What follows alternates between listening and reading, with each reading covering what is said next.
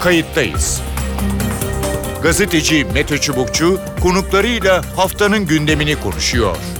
Tarihi yaşarken olaylara kayıtsız kalmayın.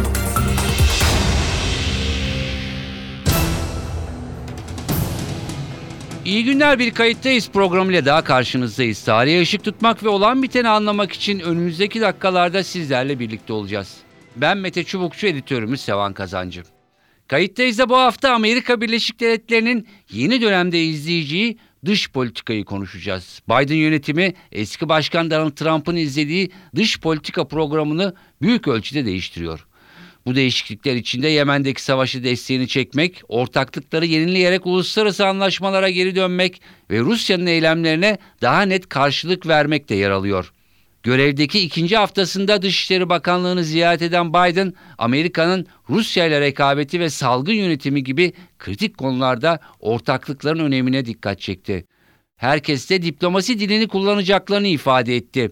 Biden dönemi dış politikası dünyada nasıl bir denge oluşturacak? Açıklanan çerçevede Türk-Amerikan ilişkileri nasıl gerçekleşecek? İki konuğumuzla konuşacağız. Kayıttayız'ın konu Profesör İlter Turan. İlter Turan Bilgi Üniversitesi öğretim üyesi. Hoş geldiniz programımıza. İyi yayınlar, merhabalar. Evet Biden e, göreve geldikten sonra e, Beyaz Saray'a oturduktan sonra hızlı bir takım kararnameler imzaladı. Bir kısmı uluslararası alanda ilgilendiriyordu e, ve dün de e, dış politikayla ilgili e, çerçevesi çok genel olmakla birlikte detaylara fazla girmedi. E, bir takım başlıkları e, açıklamış e, oldu. Ne dersiniz? Yani işte bu Almanya'dan asker çekme, Suudi Arabistan, Yemen ilişkisi, Rusya konularını öne çıkardı. Bir genel önce bir değerlendirme yapar mısınız bu konuyla ilgili? Şimdi efendim sadece dün söyledikleri değil aynı zamanda şeyi de düşünecek olursak sizin de e, sorunuzda işaret ettiğiniz e, bir takım kararnamelerinin uluslararası ilişkileri de ilgilendirdiğini e, genellikle Biden'ın yapmaya çalıştığı Amerika'nın dünya sistemindeki yönlendirici rolüne geri dönüş için adımlar atması söz konusu. Tabii bu geri dönüş e, bir tek kutuplu dünyanın geri dönüşü olmaktan ziyade yine e, Biden'ın ifadelerine bakacak olursanız müttefikleriyle işbirliği içerisinde e, bu dünya düzenini yürütmek niyetinde. Şimdi bunun dışında bu beyanlardan gördüğümüz gerçekten e, büyük bir faciaya dönüm, dönüşmüş olan ve Suudi Arabistan'ın da istediği bir sonucu elde edemeyip sadece e, perişanlık yarattığı bu Yemen Savaşı'ndan geri çekilmesi yönünde baskı yapması e, bence çok olumlu karşılanabilecek bir adım olur. Belki Suudi Arabistan'a da bu vesileyle e, buradan çekilmek için bir mazeret yaratmış olur. Onu bilemiyorum. E, ve olumlu karşılanabilir. Şimdi esas belki e, sözlerindeki önemli bir husus e, Almanya'dan asker çekilmesini durduracağı istikametindeki beyanlar. Ne anlama geliyor? Şimdi bu biliyorsunuz NATO ve Batı savunma sistemi Amerika Birleşik Devletleri'nin e, ihtiyaç halinde e, Avrupa'nın savunmasına geleceği varsayımı üzerine kurulmuştu. Hı hı. E, Trump ise bu varsayımın artık doğru olmadığını düşündürecek eylemler yapmaktaydı. Yani Amerikan askerini Avrupa'dan çekmek e, ve bunun dışında müttefiklere danışmadan genelde kararlar almak gibi bir yol izliyordu. Şimdi e, bu Almanya'dan asker çekmeyeceğim demesi aslında yani Amerika'nın Avrupa savunmasına olan bağlılığını ve verdiği güvenceyi devam ettirme niyetinde olduğunun bir ifadesi. Bunu daha sonra ifade ettiği diğer düşüncelerle de birleştirecek olursak Amerika Birleşik Devletleri'nin en azından Biden'ın ve çevresinin e, Rusya'yı Sovyetler Birliği yerine koyduğunu ve Avrupa için bir tehlike oluşturduğunu kabul ettiğini görüyoruz ve e, bunun yanında Çin ne de hedef alıyor. Bunlar ikisi de Amerika'nın e, sahip çıktığı e, liberal yani bir yanda demokrasilerle yönetilen hı hı. bir yandan da piyasa ekonomisiyle nitelenen bir düzeni çeşitli yönlerden kabul etmeyen ülkelerle iki dev ülkeyle daha doğrusu mücadeleyi esas alacağına işaret ediyor. Hı hı. Bu surette belki biz yine Amerika'nın önderliğinde bir iki yapılı dünyaya doğru yönelme baskısını hissedeceğiz. Peki. Ee, iki sorum daha e, olacak. Şimdi bir tanesinde şöyle demiş e, dünkü konuşmasında Biden. Bakan Anthony Blinken yani Dışişleri Bakanı konuştuğunda benim adıma konuşuyor diyerek en üst düzeyli diplomatın olan güvenini bir şekilde vurgulamış. Yani hep kendi evet. yürütecek diyordu, deniyordu ama demek ki Blinken'a veriyor ve diyor ki yani bütün yetki de onda. Yani buradan ne şey çıkarabiliriz anlam? Şimdi efendim buna çok derin manalar vermemek lazım. Yalnız şunu belki ifade etmeye çalışıyor ve e, o bakımdan hatta düşüncesini biraz abartılı ifade etmiş olabilir geçmişteki durumu telafi etmek için. O da şu yani Trump e, devlet kurumlarına danışmadan, kendi yardımcılarına danışmadan aklına estiği gibi hareket etme temayülünde bir yöneticiydi. Ve e, birçok bakımdan da bu huyu dolayısıyla yönetimine bir türlü istikrar kazandıramadı. Ee, Biden Amerika'nın olağan siyaset sürecinden gelen bir kimse, siyaset dışından gelmiş birisi değil ve bu siyaset dışından gelmemesinden dolayı e, şey yani devlet kurumlarını nasıl çalıştıracağını, ekiple nasıl çalışacağını da bilen bir adam. Yani Anthony Blinken benim adıma konuşuyor dediği zaman benden bana danışmadan, bana sormadan aklına eseni yapacak manası çıkmamalıdır bu burada. Hı hı. Daha, daha çok Biden'ın ifade etmeye çalıştığı düşünce biz bir e, ekip olarak çalışıyoruz ve bu ekip içerisinde dış politikadan sorumlu kişi ve tam desteğime sahip olan kişi de Anthony Blinken'dır diyor ve e, bu suretle ekip çalışmasının e, ve tesadüfe bırakılmayan bir kurumsal e, faaliyetin yürütüleceğine işaret etmiş oluyor. Peki. Şimdi şunu soracağım hocam. Ee, şimdi tabii ki Amerika Birleşik Devletleri Başkanı açıklama yapınca özellikle dış politikada yani her ülke e, kulak kesiliyor. Acaba bizle ilgili bir şey söyleyecek ne der filan. evet. E, hatta yani e, tabii ki her ülke yani dünyanın kendi etrafında döndüğünü de e, bir şekilde e, düşünür. Bakıyoruz tabii ki e, birçok ülkeyle şey yok genel hatlar var. E, şimdi Rusya ile ilgili siz de söylediğiniz artık bir politika değişikliği e, NATO temelli Amerika e, destekli yani bir tehdit unsuru olarak görüyor. Şimdi Türkiye ile ilgili herhangi bir şey e, görmedik açıklamada ama bu Rusya hani deyim yerindeyse yüklenmesi bu Türkiye-Rusya ilişkileri S-400'ler vesaireyi de dolaylı olarak etkileyecek mi? Yani buradan dışişleri ya da bu konudaki yetkililer bir takım manalar çıkarmışlar mıdır? Şimdi efendim e, herhalde dikkatle dinledikleri muhakkak e, ne manaya geldiğini belki yorumlamaya çalışıyorlardır. Ama bir an için Soğuk Savaş'ın bitişine veya Soğuk Savaş'ın bitmesinden önceki döneme gidecek olursak zaten şöyle bir durum ortaya çıkmıştı. Yani ittifak içerisindeki üyeler o dönem Sovyetler Birliği ile olan ilişkilerini iyileştirmek de daha geniş bir alana sahiptiler. Hı hı. Şimdi e, aradan geçen zaman içerisinde aslında Rusya ile daha yakın ilişkiler geliştiren bazı Avrupa ülkeleri de oldu. Bunlar arasında Almanya'nın da önde gelen bir ülke olduğunu dikkatten uzak tutmamak lazım. Hı hı. Şimdi e, dolayısıyla Biden'ın bu sözlerinin yani birdenbire soğuk savaşın bütün sertliğiyle devam ettiği dönemde Rusya'ya karşı alınan vaziyete benzer bir bekleyişin ifadesi olduğunu ben zannetmiyorum. Hı hı. Ee, ama Biden şunu diyor yani esas itibariyle bizim stratejik rekabetimiz olan ülkelerden biri Rusya'dır. Hı hı. İlişkilerinizi düzenlerken bunu hesaba katın. Şimdi tabii bunun Türkiye açısından geleceği, e, geleceği anlamı yorumlamaya çalıştığınız zaman zaten Amerika esas itibariyle Türk-Rus ilişkilerinde neyi beklediğini çok berrak bir şekilde ifade etti. Dedi ki S-400'ler gitmelidir dedi. E, Türkiye'de bir çözüm bulacağız birlikte çalışırsak diye cevap verdi ama e, S-400'lerin gitmesi konusunda bir düşüncesi olmadığını ifade etti.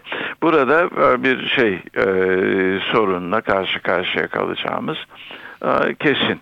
Bunun dışında hani şunu da unutmamak lazım. Bütün sorunlara rağmen Türkiye NATO'ya ilişkin sorumluluklarında genelde kusur işlemeyen ve e, her zaman için ittifaka katkıya hazır olan bir ülkedir.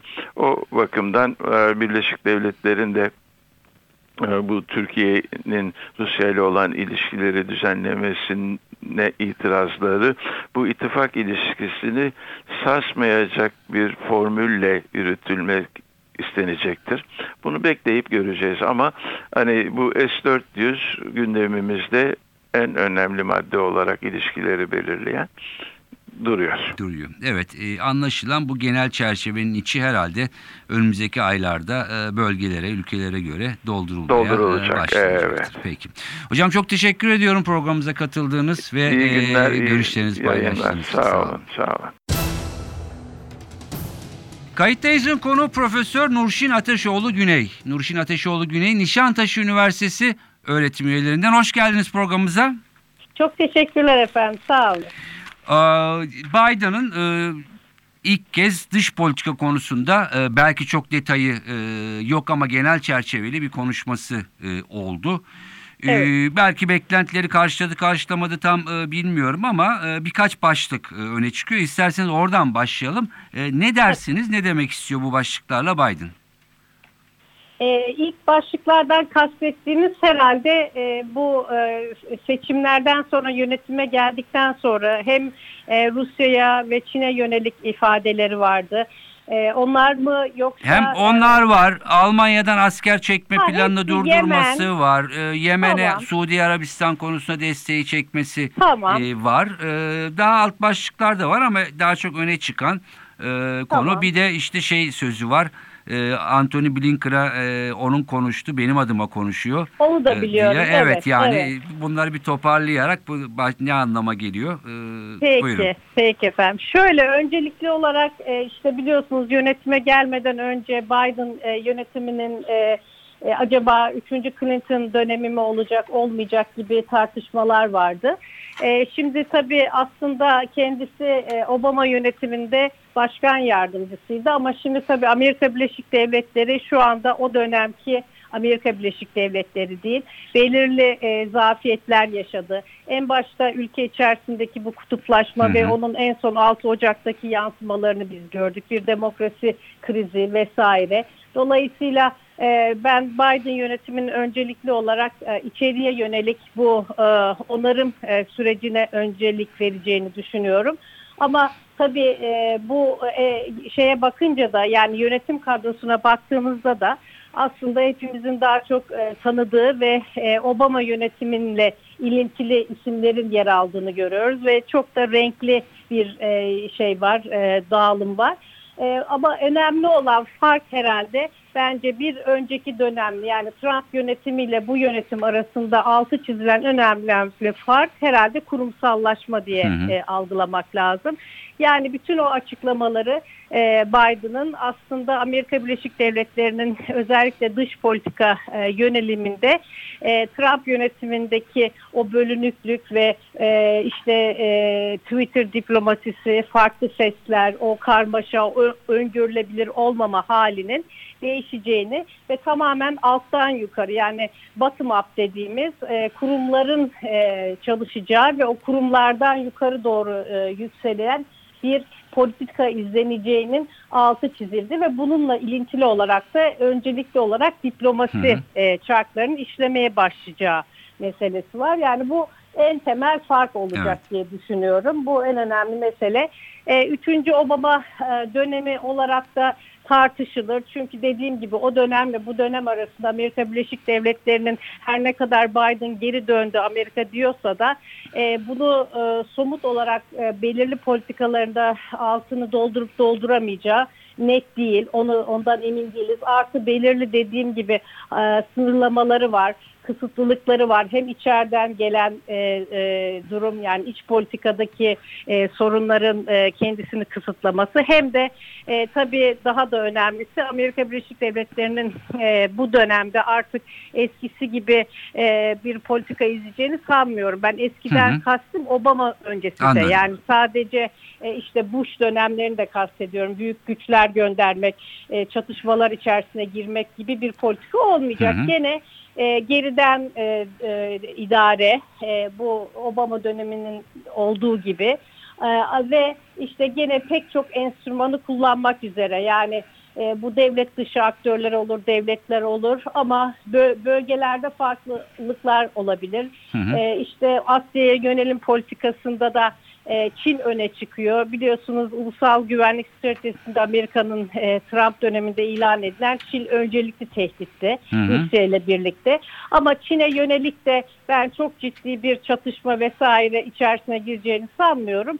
Retorik değişecek. Belki daha e, yumuşak politika işte diplomasiyi öne çıkaran hatta e, müttefikleriyle birlikte mümkünse e, oluşturmak suretiyle Çin'i dengelemek e, politikasını hı hı. geçerli olacağını düşünüyorum. Rusya'da ise e, gene hani Rusya'ya yönelik o sert ifadelerine rağmen e, işte ben onun gerisinde e, 2014'te işte Kırım ilhakıyla başlayan e, süreçte yani Batı ittifakının Rusya öncelik politikasını terk edip ondan sonrasında ona yönelik işte NATO çerçevesinde alınan bütün o askeri e, girişimlere vesaire rağmen e, bu işte Karadeniz'deki e, Amerika Birleşik Devletleri'nin bayrak göstermesi, işte askeri tatbikatlar vesaire bunlar devam eder. Ama bunlar asla bir çatışma noktasına gelmez. Bunun en önemli ipucu e, bu dönemde de hani söylemsel olarak ve NATO çerçevesinde Rusya'ya karşı e, önlemler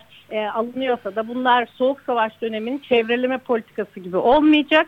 Sınırlandırma evet. olacak. Constrainment policy dediğimiz buna devam.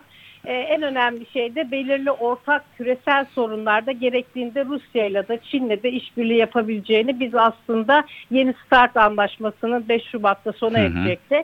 Onun yenilenmesi hemen alelacele e, Biden tarafından e, bunun gündeme sokulması. İşte bu çok taraflılık, e, işte kurumsal meseleler, uluslararası hukuk gibi önceliklerin e, filiyata geçirileceğini gösteriyor. Hı. Ama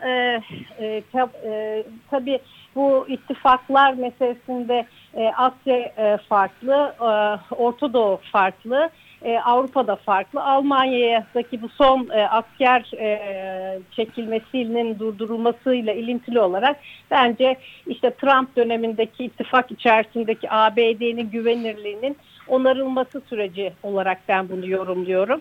E, işte e, biliyorsunuz Almanya'nın savunma hı hı. taahhütlerini yerine getirmediği gerekçesiyle böyle bir eylem içerisine girmişti. E, Trump bunu tamamen tersine çevirme e, e, üzerinden. E, zaten bu siyaseti de hemen daha ilk kararnameleriyle biliyorsunuz Paris İklim Anlaşması işte Dünya Sağlık e, Örgütü'ne geri dönüş falan. Bunlar zaten Trump döneminin tamamen geri çevrilmesiyle ilgili. O dönemin hatta izlerini silmek e, bağlamında politikaların bir e, içeriye yönelik e, e, izi düşümü ama dışarıya yönelik de dediğim gibi müttefiklerin özellikle transatlantik ilişkilerde Avrupa'nın e, da yaratılan o yara, yarığın, çatlağın bir şekilde onarım e, süreci hı. diye okuyorum.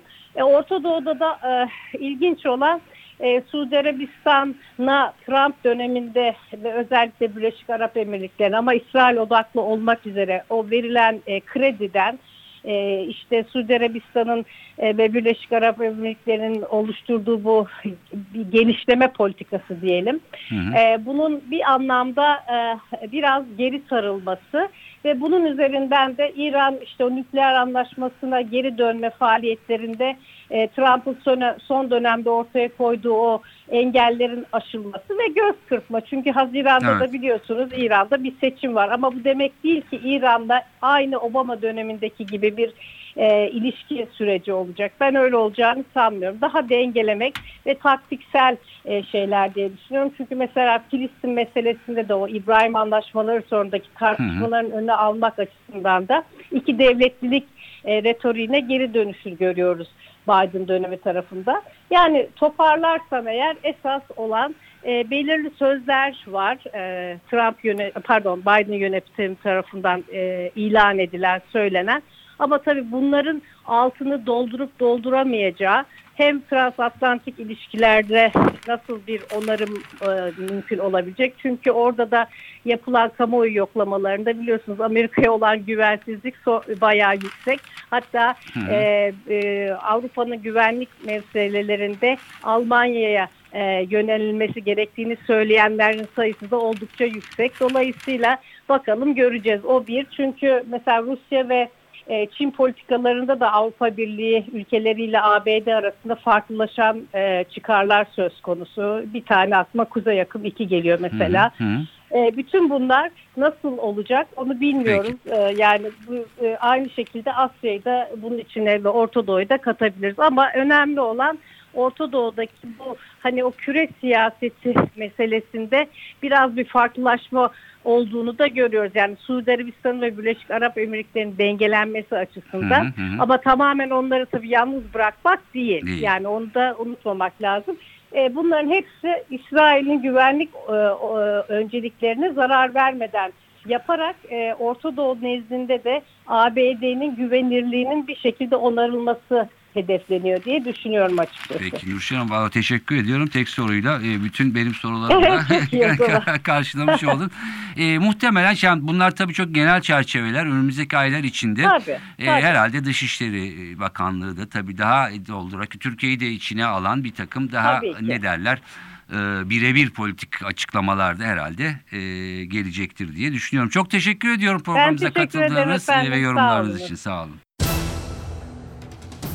Evet yorumlar ve görüşler böyle. Daha ince detaylar da bekleniyordu ama Biden daha genel bir çerçeve çizdi. Ama söylediğimiz gibi önümüzdeki aylarda bölge bölge ülke ülke belki daha birebir politikanın ipuçları ya da uygulamaları gelecek. Bilindiği gibi Biden koltuğuna oturur oturmaz hemen kararnamelerle Trump'ın işte Paris İklim Anlaşması Dünya Sağlık Örgütü'nden çıkılmasını geri çevirmiş. Tekrar buralara dahil olmuştu. İşte Müslüman ülke vatandaşlarına karşı ülkeye giriş yasakları vardı. Onları kaldırdı. Mülteci sayılarını arttırıyor. Tabii ki değişik bir dönem. Hem Trump dönemini geri çeviriyor hem de yeni politikalar. Bakalım dünyayı, Türkiye'yi bu değişiklikler nasıl etkileyecek? Ben Mete Çubukçu editörümüz Sevan Kazancı. Önümüzdeki hafta farklı bir konuda buluşmak üzere. Hoşçakalın. Kayıttayız. Gazeteci Mete Çubukçu konuklarıyla haftanın gündemini konuşuyor. Tarihi yaşarken olaylara kayıtsız kalmayın.